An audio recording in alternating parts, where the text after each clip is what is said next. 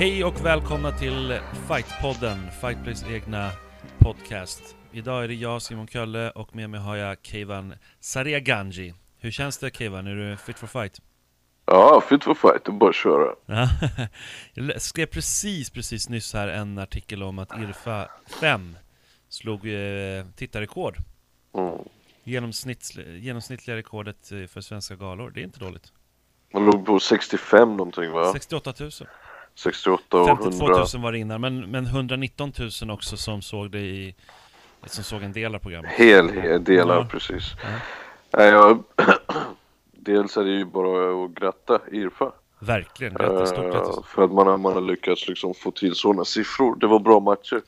Eh, jag tror också att eh, man brukar säga att det ena har med det andra att göra. Jag tror mycket på att i och med UFCs inmarsch här i Sverige och att det är lite tugg om att det ska bli fler galor i Europa i och med Alex framfart. Jag tror att det, det är inte helheten, det är inte alla förklaringar till varför de har fått de siffrorna, men jag tror att det beror lite mer på det.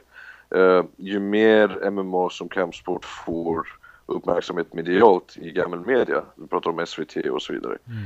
TV4, det, ja, det, det smittar av sig på så att säga mindre galor, inhemska galor. Så det är väldigt intressant att se hur det blir eh, 9 november i repris också, så det ska bli jätteintressant att se hur, hur reprisen, för det är faktiskt så att reprisen har Den som hade rekordet innan var faktiskt en repris, en eh, Vision-repris Så lite, det är ganska Ja, många, men du vet, det här- det är också det att eh, många ser eh, repriser för att det brukar vara lite bättre tider än, än lördag klockan liksom 10 eller sådär. Så att Mm.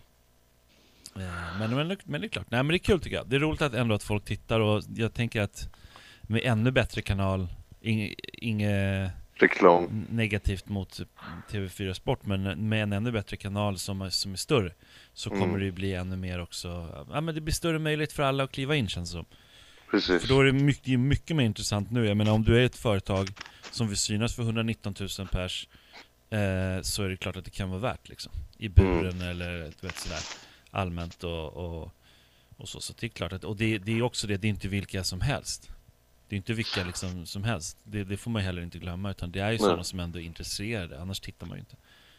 Det är just Sen, då det, det är marknadsföringsmässigt är det väldigt viktigt då att just ta Ja. vara på det där du sa. Det vill säga att man måste, det, det där, det måste, alltså informationen måste eh, spridas från ERFAs håll ut mot alla. Det vill säga också informera gammal media eller och låta sponsorer veta att man har fått de siffrorna. Ja, det är jätteviktigt nu. Det är jätteviktigt. Fantastiska siffror tjänar ingenting till om de eh, bara publiceras lite här och var. Ja, precis. Nej, men det är ju så här, det är ju inte... Ja. Nej men det, det, det, Mm. nej, jag tycker det är spännande, det är kul med tittarsiffror överhuvudtaget så tycker jag. Jag har alltid haft en liten... Nej, jag gillar också, jag, jag tror vi är samma där. Det är statistiken Ja, och man kan jämföra.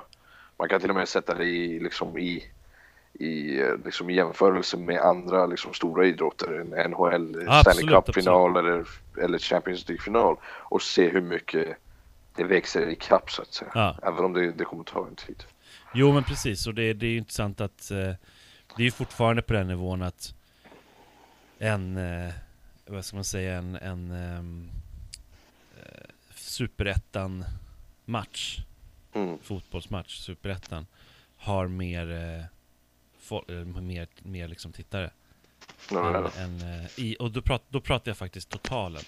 För att eh, när vi pratar räckvidd så är det ju ändå så att där ligger faktiskt en väldigt Där ligger det ofta ganska bra liksom. det, där, där slog eh, handbollen till exempel som visades, handboll supercupen där Fy Eh, fan, slog, handboll. Ir- Irfa slog den till exempel Samma, Mm. kväll, samma kväll Mm. Det är ganska bra Det som gick på TV4 Sport, handboll är rätt stor sport liksom Ja, faktiskt. UFC live, som också gick samma kväll Mm. Långt, långt mycket färre tittare Ja. Så det är lite intressant. Eh, Mm.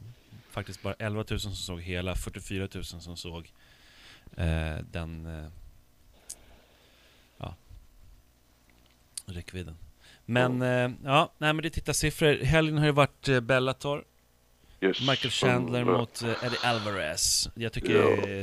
det var så här, Bellator, jag vet inte, jag är lite så här kluven till Bellator, alltid varit. Jag vet inte om det är så om jag är ensam om det, men det, det är någonting sådär att jag får aldrig riktigt den här hypen som jag, kan, som jag får till exempel av en riktigt bra UFC-gala.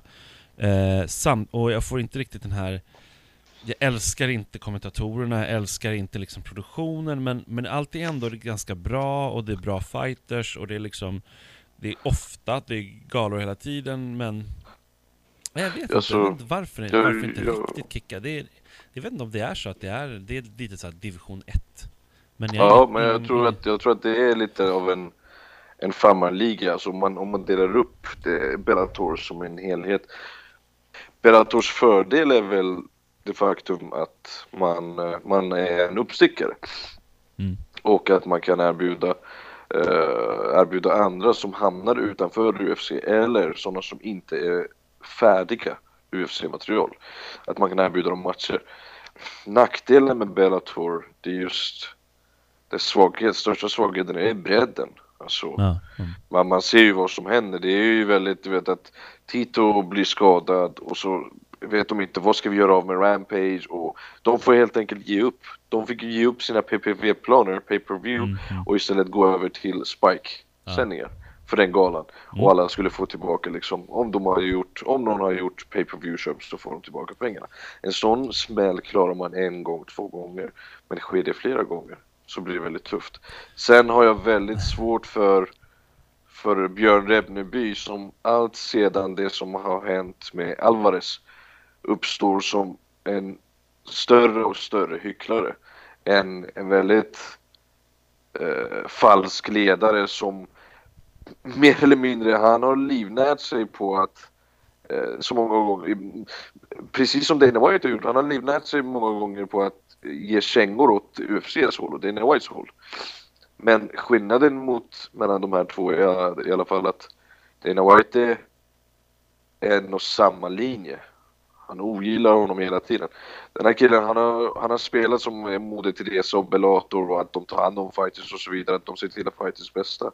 När man ser hur både på presskonferensen och vid utdelning av bältet när han ska sätta bältet runt, runt Alvarez eh, Media.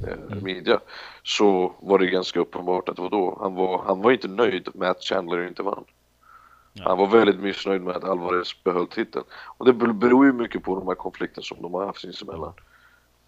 Jo men det ställer ju till det för honom.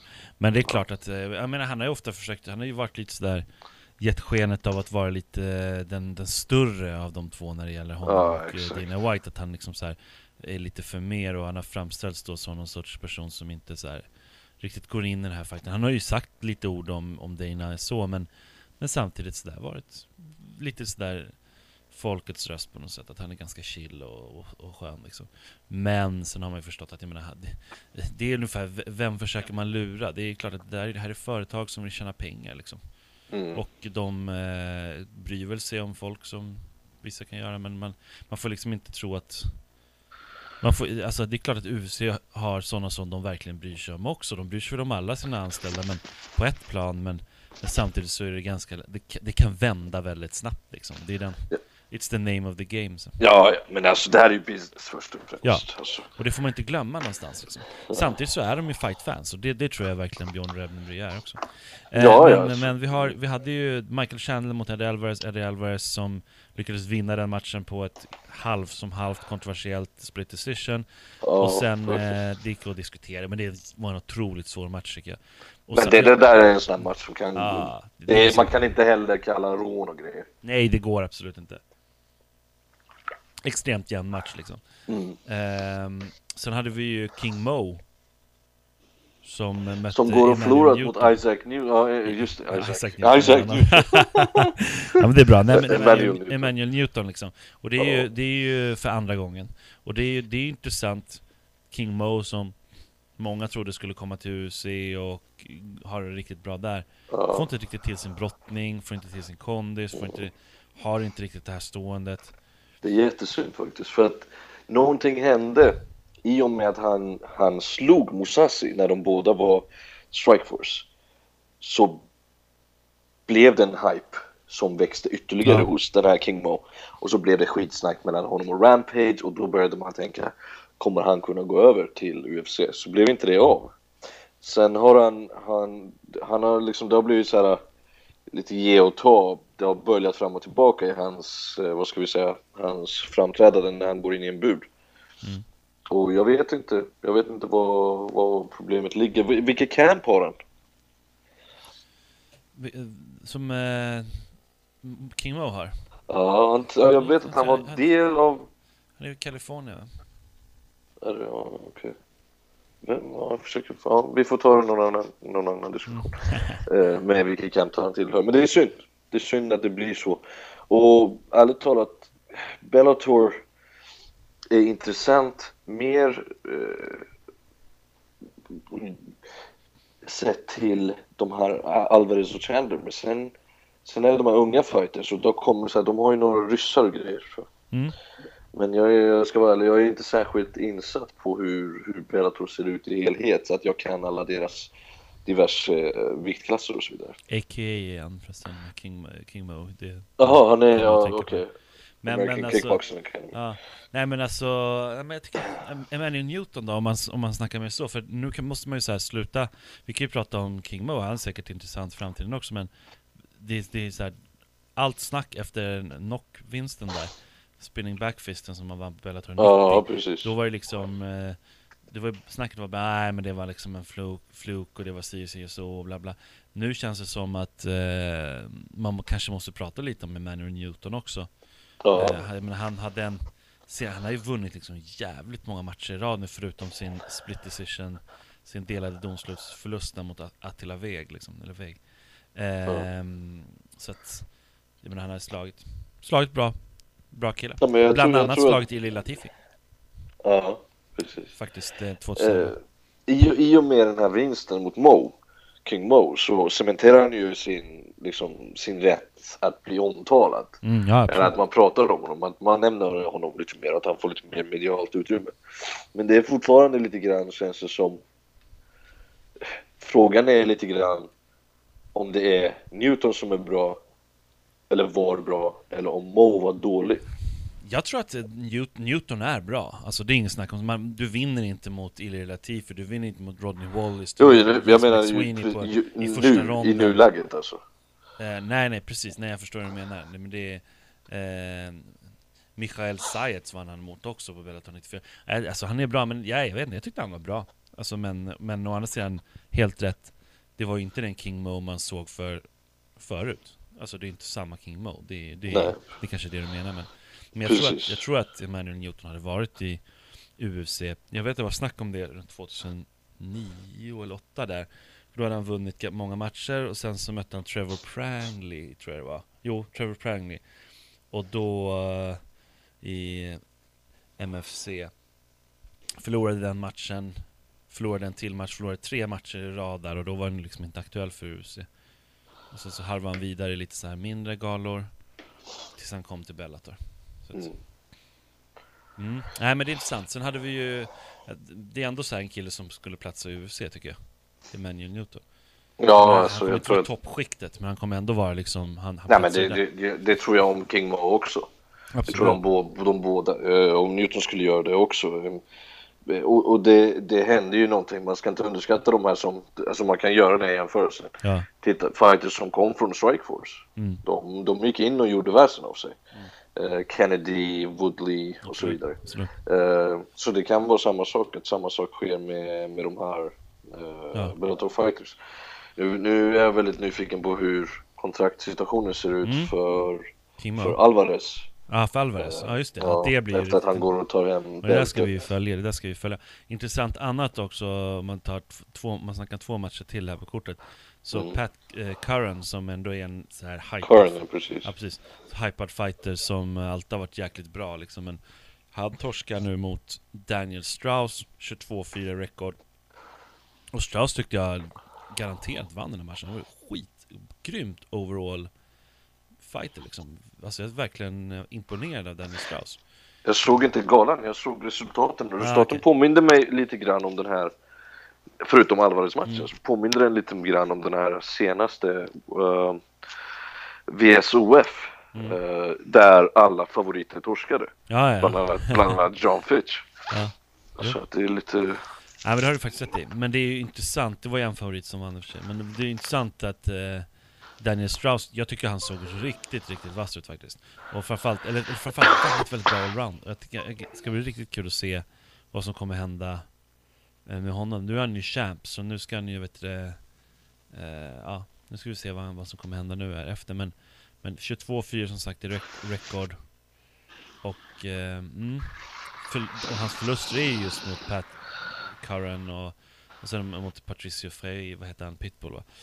Pitbull, eh, mm, precis, så det är ju Han har inte förlorat mot direkt dåliga snubbar Så att, jag vet inte, det, det ska bli väldigt kul att se Vad som händer där, och det, han kändes som att han lätt skulle platsa i Högt upp UFC.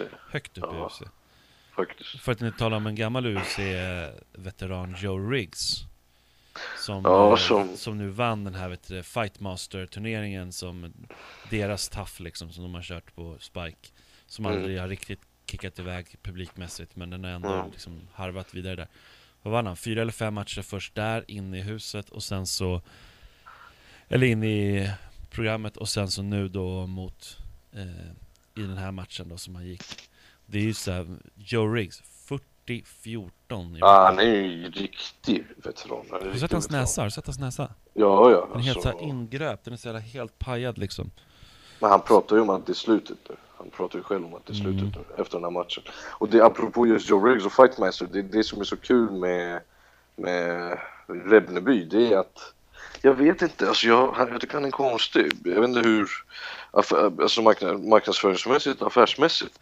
Han, han har gått efteråt och talat ner och sagt att han ser pessimistiskt på fortsättningen av Fightmaster på Spike. Jättekonstigt Jag, och jag tycker det är så här, varför gör du så? Alltså, sen, sen kommer ju den här lätt och lagom människorna och Ja, säger ja. men han är ärlig i alla fall. Ja, men det är Ja, inte, ja. alltså det handlar inte om det, det handlar om att hålla upp en skepnad, alltså där, där du, för vad han gör när han Mm. går och nedtalar en serie som Fightmaster, det är att han också gör det, han sätter inte så mycket värde vid sin fighter, bland annat Joe Riggs. Mm. Ja, visst, du har gått och vunnit, men det här är inte någon värsting, värstingprogram eh, på Spike som vi har. Tycker det är konstigt. Ja, jag tycker också det är riktigt skumt Men ja, nej Jag tror att det som, om jag minns rätt med kontraktförhandlingarna och så, när Eddie Alvarez var på väg till UFC och det låste sig och det handlade om att de hade rätt att matcha erbjudanden från UFC. Jag tror att som mästare får Alvarez mer rättigheter, Mm. eh, tror jag. Han, eh, han får bättre deal hos Bellator, men han får också, tror jag, om jag inte har fel, att det inte är tvärtom. Han får också lättare att lämna när Mm. han har bältet. Så vi får se. För att han har varit väldigt vid, alltså väldigt öppen, eh, fri, frispråkig på, på Instagram. Mm. Bland annat. Där han, eh, där han lägger upp bilder där han tycker att eh, ja, Björn ser ut, Rebneby ser ut, ser besviken ut och att han lägger ut skämt där Dana White kallar, Mm. kallar eh, den här uh, Rebneby för dork. Mm. Och så vidare. Vad tycker du om allt det där egentligen? Alltså hela den här Alltså, all, Hela den biten av sporten Som, alltså hela det här kring, kring grejerna liksom Politiken mellan galorna, mellan organisationerna, mellan liksom allt, i- alltså allt det här runt omkring Alltså, jag, jag håller inte med människor som säger att det, det, jag, jag har sett återkommande nu efter hur eh, Dana White hanterade att Alvarez vann. Där folk säger att ja men i vilken annan sport eller vilken annan organisation finns det en sån som Dana White? Det är hans fel att MMA fortfarande inte riktigt eh, looked upon as a pure sport. Mm. Alltså det är amerikaner som säger så och så är det vissa svenskar som liksom håller med om det också. Jag håller inte med om det därför att jämför, jag tror att, jag vet inte vad han heter nu, men NFLs commission, alltså president, Mm. han är också lite av en Dana White typ. Eh, vi ska inte jämföra med WWE och de här, men där har du Vince, men Där har box, du Vince boxning har jag haft det länge, boxning har jag haft ja, ja, Bob Arum liksom, Bob Arum, kallar alla, liksom. Han, han säger ju att alla fight-fans som MMA-fans är ja, rasister.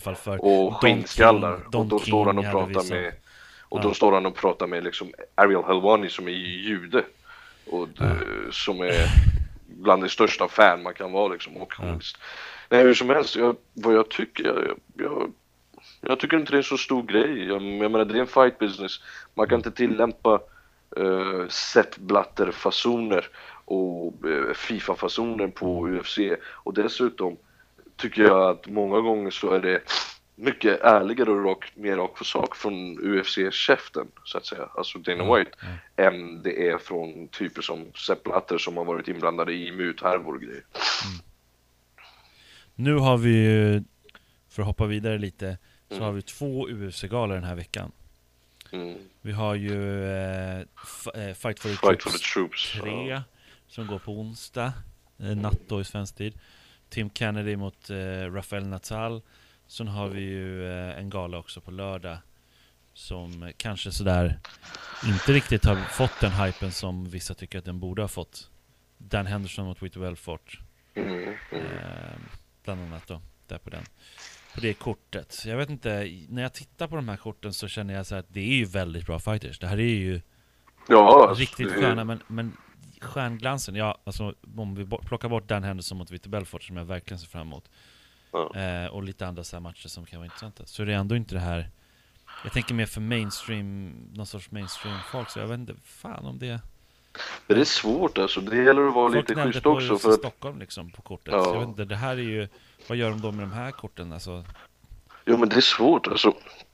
Vad ska de göra? De kan ju inte ha toppmatcher. Alltså, Nej, hela tiden. Där är problemet. Du har, du har Sean Shelby, Joe Silva, ansvariga matchmakers. Och du har en maskin, UFC-maskin, Zuffa-maskin som ska marknadsföra det här. Mm. De här mindre namnen måste ju gå match. Ja, ja, du, kan absolut, inte, ja, du kan inte alltid ha nyårsgalor-formatet på liksom, UFC 165 där det var två titelmatcher, eller ja, interim och titel. Eh, och sen eh, de här numrerade, numrerade galorna. Mm, Och för att få jag tror att för att få en fungerande contention, alltså utmanarbild Mm, för varje division, för varje viktdivision, så måste man ha, alltså man måste ge de här eh, rank, orankade en chans att mötas och kanske bli rankade. Eller att få möta en gatekeeper och så vidare. Ja. Det är det. För att, och det, det där är ju ett, ett bekvämt problem i så fall. Som, som vi pratar om att Bellator inte har en bredd. Det har ju däremot UFC. Och Jaha, där, är ju ett där har du ju ett problem med bredd. När du har en sån bredd så måste du låta folk gå matcher. För att... eh, Mm. Men å andra sidan är, är det väl så där, därför de delvis kör det här Fox Sports, de säger det här är gratis galor liksom, det är gra- alltså, Ja. För de som har Fox då förstås, men det är ju de flesta i USA eh, Superstor kanal liksom Och eh, så det är gratis gala, bla bla bla och sen så då, Många matcher går ju, kan man ju se på Kan man ju se Innan och På onli- online och man kan se på Stream och Facebook och Ja, men här kan man se också eh, underkortet, större delen av underkortet kan man ju se på, på Fox också. Så att i Mm. USA så tittar de, kan de titta på TV liksom större delen av Fyra matcher under kortet på Fox och sen så fem matcher på huvudkortet också. Men här, du har ju det här också, Tim Kennedy som, som skulle ju mött Munoz. Nu möter han ju Rafael Natal som får hoppa in istället. Vad, vad, vad ger det för chanser för Rafael Natal liksom att slå Tim Kennedy? Jag är väldigt bra chanser faktiskt. Efter att ha sett Natal mot Tortroing. Troing så tror jag att han mycket väl kan, om man ens ska kalla det överraska, att han kan överraska. Alltså, Tim Kennedy är väl inte någon... Eh, Tim Kennedy är för mig lite av en eh, starkare version. Jag gillar ju inte liksom varken Askren eller Kennedy. Och inte Jake Shields. Jag ser de här ganska, eh, som, inte snarlika fighters, men jag vet inte, lite grann samma. Jag tror, jag tror att Natal kan ta det här, eh, faktiskt. Det, det är de chanser jag ger honom. Jag tror han ska, väl, han ska väl hålla sig borta från stående mot Kennedy. Det ska han göra. Ehm, och då löser han många problem faktiskt. Kennedy slog Roger Gracie sist. Mm. Det betyder ingenting för dig eller? Roger Gracie, jag vet inte vad, betyder något för dig? Jag menar kolla, killen har ju Ja, ga, ja. gas tank of the Bob, samma tank Abbotts gastank. Alltså det, jag menar, det är skitpinsamt för fan att se. Jag menar det, och det, det har ju Hoyce Gracie och Hickson Gracie också varit ute och pratat om liksom att de pratar om att eh, de här, deras fighters försöker hålla, hålla det stående också istället Ja. bara för att hålla sig till det de är bra på, det vill säga på mark, markspelet. Och när de lägger ut så mycket energi både stående och på marken Mm. så tar de ut sig. Och det ser, alltså, Roger Gracie tycker jag är en skam för Gracie-familjen. Han är ju en skam för Gracie-familjen. Vilken match var det han gick på Strikeforce? där han gick och liksom eh, hukade, alltså eh, gick på huk i andra ronden. Jag, jag kommer inte ihåg vem han mötte, men det var Ja, en nej, katastrof. inte, han, har haft, han har haft problem med sin alla fall. Ja. Men skam jag fan, med tanke på allt han har gjort. Han är en fantastisk Jo, jo, men alltså, för, okej, för att liksom vara rättvis och inte vara så här bara liksom köra över. Alltså grapplingsmässigt, eh, ADCC och allt han har gjort med BJ och Gracies jutsu, det är en sak, men det här är MMA. Alltså han, han kan, i, när han är i ADCC och så vidare, då kan han leva på sitt namn och faktiskt sina otroliga meriter. Men eh, sett till MMA, jag menar han är ju pinsam. Han är ju pinsam. Ja, han möter bra folk också, men, men okej, det, det får stå för det. Eh, jag vill försvara honom lite. Nej men fan, vi har ju det, faktiskt där Rafael Natal, den största underdogen av de större matcherna på båda de här korten nu som kommer. Eh, UC-korten, bara så att du vet. Men det är kul att han är, han är den andra som också är stor underdog är faktiskt Paolo Thiago. Vem möter han? Ja, vem möter han? Han möter den här Thatch va? Militären, militären Paolo Thiago. Brandon Thatch möter han, eller Thatch eller man uttalar. Men eh, sen har vi ju lite andra roliga matcher va? Liz? Carmouche mot Alexis Davis. Tjejer är alltid... Ja, alltså det där, det där kommer bli riktigt kul att titta på. Efter att ha sett matchen mellan 16 och Andrade. Mm. Även om Andrade nu liksom förde hela den här matchen. Men eh, det hjärta som den här 16 visade när hon agerade slagsäck. Eh, det var otroligt. Ja. Jag är, jag är inte sarkastisk nu faktiskt. Nej men det lät lite så. Ja, jag vet. Nej men det är kul. Sen har vi Nej, men med tjejerna är det alltid full fart. Det, Ja, men verkligen. Och sen i helgen då har vi också Daniel Serafian mot Cesar Ferreira. ja, Serafian, han är, han är en gåta för mig. Jag, eh, Ja. Lovande, lovande. Så var det en match till som jag tänkte på, men den är lite längre fram så vi, vi hoppar den. Mm. Ja, vi har ju match, vi har ju snart eh, den, din favorit GSP. Ja, GSP. GSP mot Hendrix. Är det ens Wow. din favorit? Nej, det är inte, det är inte min favorit. Jag, jag gillar honom därför att han är den här... Det, han, det känns som att han är en av de mer traditionella bud och kampsporttyperna. Ja. Alltså det är mycket bud och, det är mycket att han har sin karatebakgrund och så vidare. Plus att det, det är lite hans stil också. Lite hans... Eh, han tål inte media, han ställer upp för att han måste. Han är väldigt... Eh, han är väldigt speciell i sin framtoning. Men Keivan, du som brukar sticka Mm. ut haken lite grann. Eh, Mm. Om vi tar upp eh, Dan Henderson. Han har vid två till, tidigare tillfällen, eller tre tillfällen sammanlagt i sin karriär förlorat två matcher i rad. Okej. Det, nu är han i ett sånt läge. Om han förlorar mot Vito Belfort, Mm. vad ska han göra då? Ja, köpa såna här, vad heter det, det finns såna här skitfina stugor man kan köpa i Florida. Bungalows. Ja, bungalows. Eh, Nej, men jag vet inte. Alltså Dan Henderson, han är den Två här... split decision alltså har han ändå haft, så det är inte som att han har blivit ägd liksom. Ja, Men en ganska alltså- tråkig match mot Lyoto Machida, en ganska tråkig match mot Rashad Evans. Rashad Delade Evans, dom, domslut. Och nu möter han eh, Vito Belfort som, ja, Vito Belfort är alltid farlig. Ja, Vito Belfort är alltid farlig, men det, det ser jag nu. Han har faktiskt med Machida, med Evans och med eh, Belfort så har Henderson mött tre ganska olika fighters. Ja, ja. Mm. Alltså du har en eh, avig, väldigt konstig stående ja. i Machida. Du har en brottartyp som är relativt overall bra stående också. mm. Fast Snabb inte- för sin han. Ja, alltså precis. Och sen har du till slut Belfort som är en, liksom en stå, stående maskin. Eh, som kan gå mycket på energi. Men, men det, och, även om det är klichémässigt. Mm. Jag tycker att Henderson har varit av de här två, Henderson och Belfort. Henderson har genom sin karriär hållit en mycket jämnare formkurva än Belfort. Mm. Belfort har kommit in och sett vältränad ut men gasat. Belfort har kommit, kommit in och liksom, vem var det han, var det eh, Couture som han, eh, som han Ja, gav frontkick? Ja. Eh, nej, vem var det som han frontkickade eh, i, och knockade? Mm, Det ja. var Couture.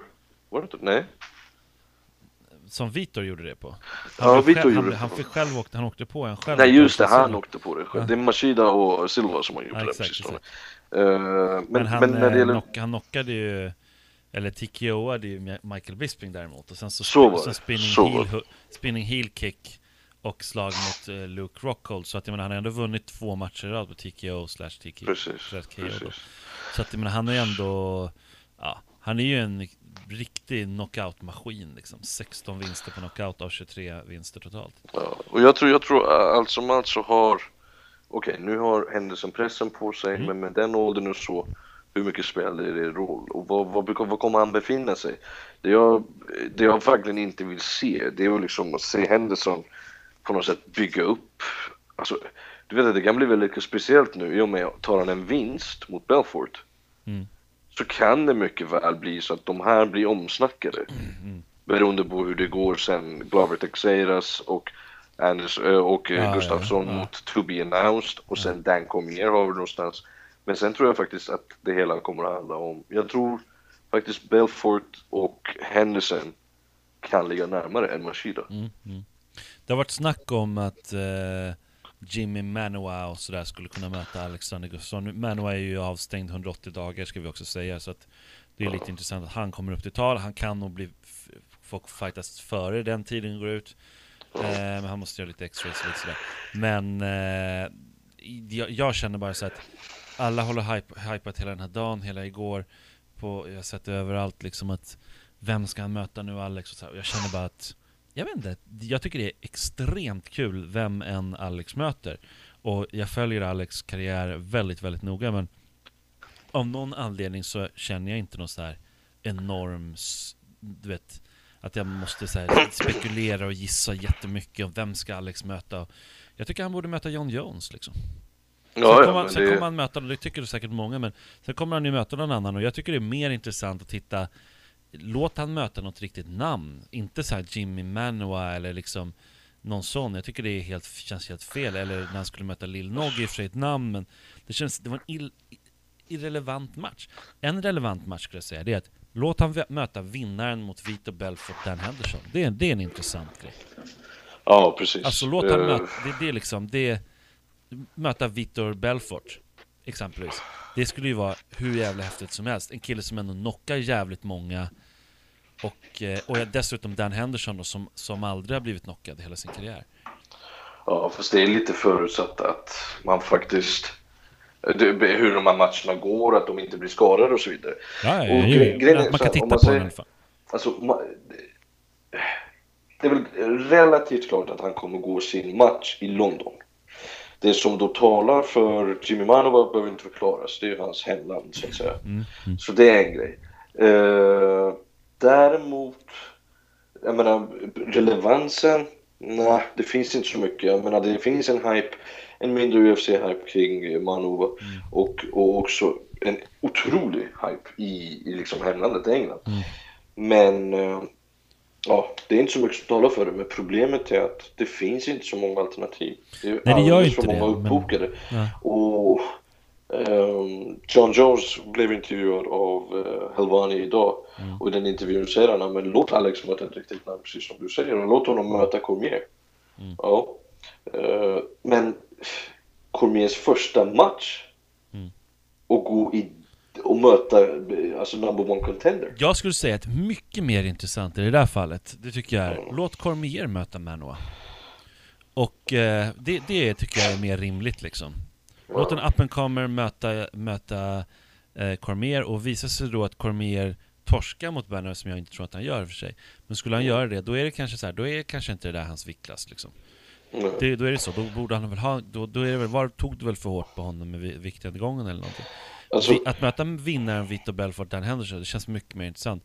Däremot, Dan Henderson skadas ju hela tiden, så det är ju typ helt livsfarligt då eh, om han skulle vinna då. Men Vito Belfort, menar, om Vito Belfort kan vinna snabbt mot Dan Henderson, som jag inte tror sker, så kan han ju absolut vara relevant redan i, redan i London.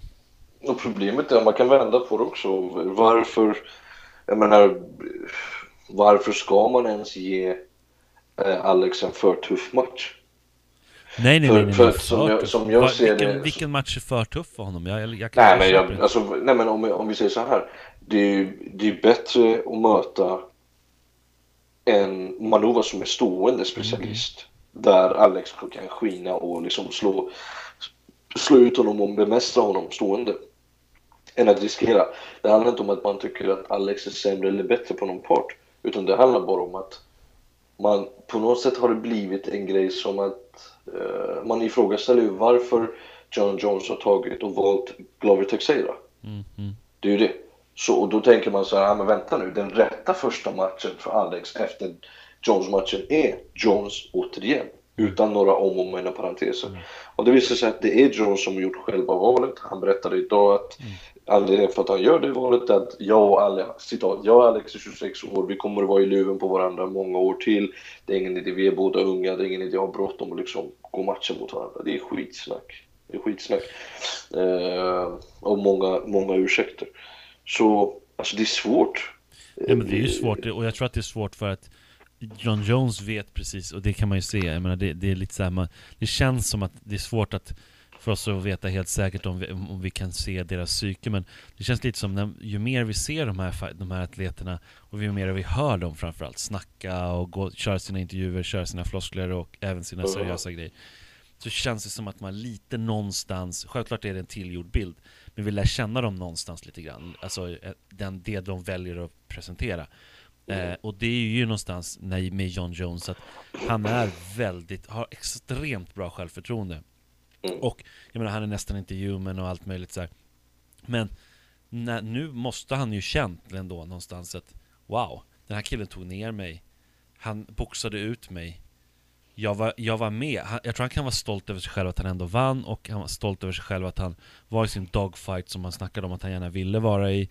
Ja, fast vet du vad problemet är? Det är tufft, han känner sig nog som en krigare. Men samtidigt, det är en match som är 50-50 och det vet han om och det, det vet ju alla om jag menar, det, är, det är ingen, alltså det vet Alex också om att det var inte som att Alex vann 90-10 eller någonting Nej, jag tycker Alex vann en match 55-45 liksom Det var ytterst jämn match Det var ju Ja, ja, snack alltså man ska inte överdriva åt Nej. ena hållet Nej, jag heller, menar liksom, det. bara Det för att man känns- är partisk. Nej men det, precis, det blir helt fel. Och, och jag menar det, det så att, och det tror jag John Jones vet om. Alex är klart han vill ha en ny, ny chans liksom när han var så jävla nära. Vem skulle inte vilja det? John Jones, var, varför skulle han på något sätt vilja det? Så men man, jag kan liksom förstå honom där. Och möta Glover Teixeira som, som ändå är hypad och allting, men där han ändå har sett att, och den där killen, han är inte snabb. John Jones är ju ändå snabb och atletisk som inåt helvete. Det, det, det, där, det, alltså om inte John Jones vinner mot Glover Teixeira, då, då, liksom, då, då, då är han inte värdig att vara champ. Nej, alltså grejen är, ha i åtanke att eh, och, och titta på den efteråt sen och jag råder alla som lyssnar på den om ni inte har tittat på den när ni hör våran podd och titta på den.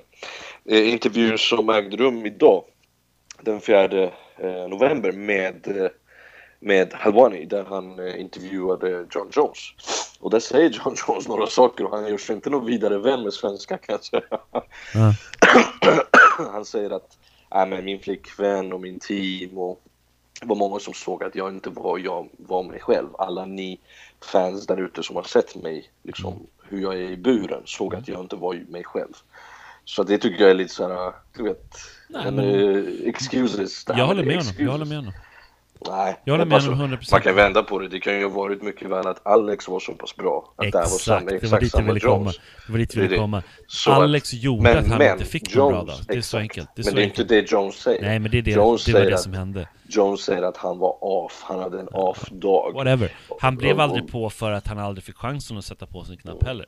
Det är det att de, Och så de han andra att- gångerna, då har han liksom, hade han lyckats pricka Alex, gjort massa saker mot, mot honom och varit så jävla på då Eller så här, även om han hade varit seg, då hade han känt Mm. om Alex hade liksom åkt ner eller vad fan som helst Då hade han ju sen blivit på, för han är ju en killer liksom, han har ju killer istället. Det såg man när han träffade med armbågen Ja, Ska han säga, snacka om att han inte var på? Efter armbågen, han såg ut som en jävla mördare som bara jagade Alex nästan. Jagade blod. Det var ju vittra Och blod. det, så det, det som var intressant också, det var att han säger också att Texeira mycket väl kan vara tuffare motståndare än Alex. Alltså det som är... Jo men det, det, det, det, jag känner så här. Helt okej, låt han säga det. Ja men någonstans, det är liksom så här, det, vi tycker inte det. Vi har sett, tekniskt är ju Alex mycket bättre.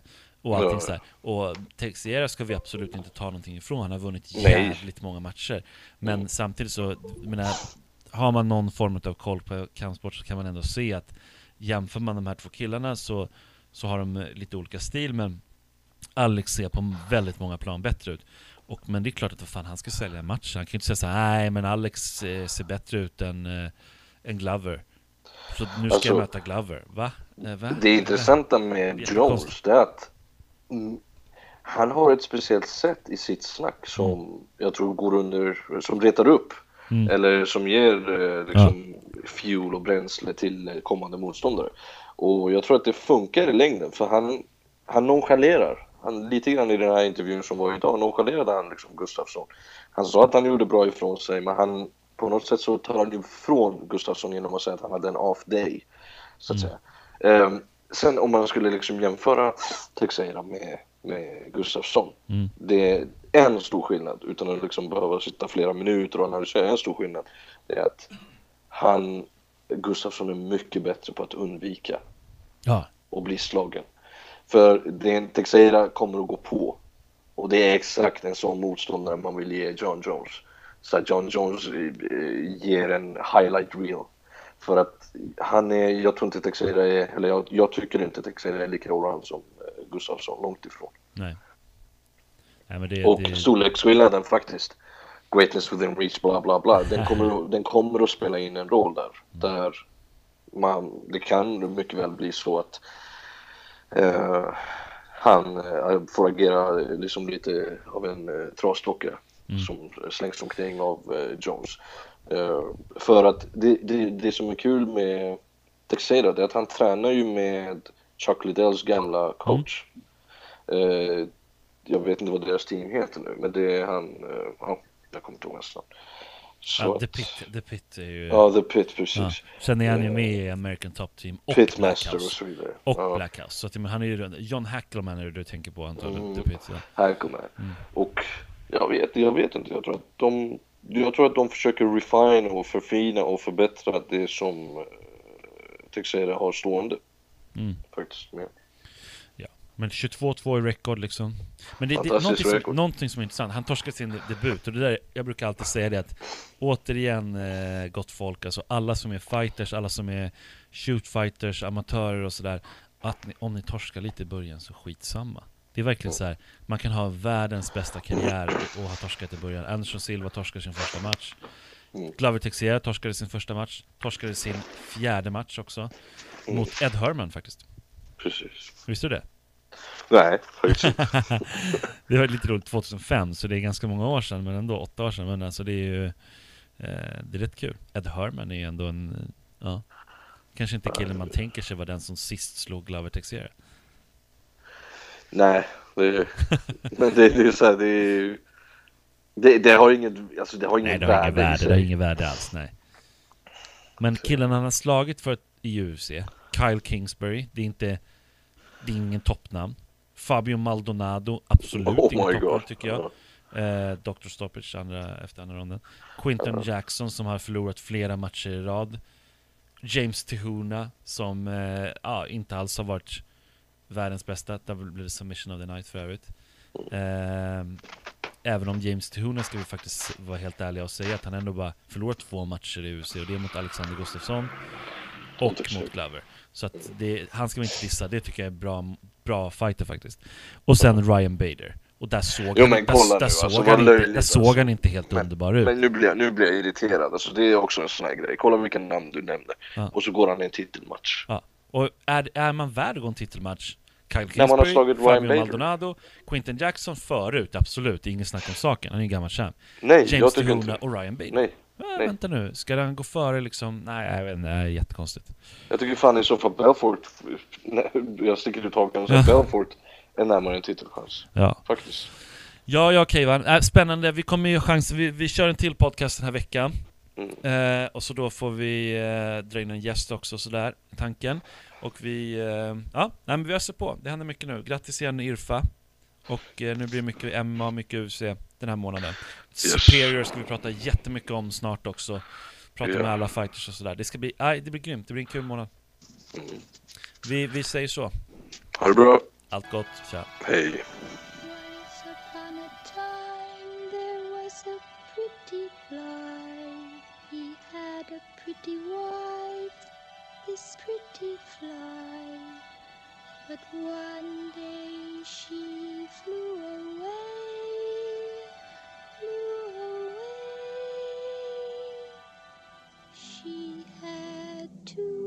pretty children.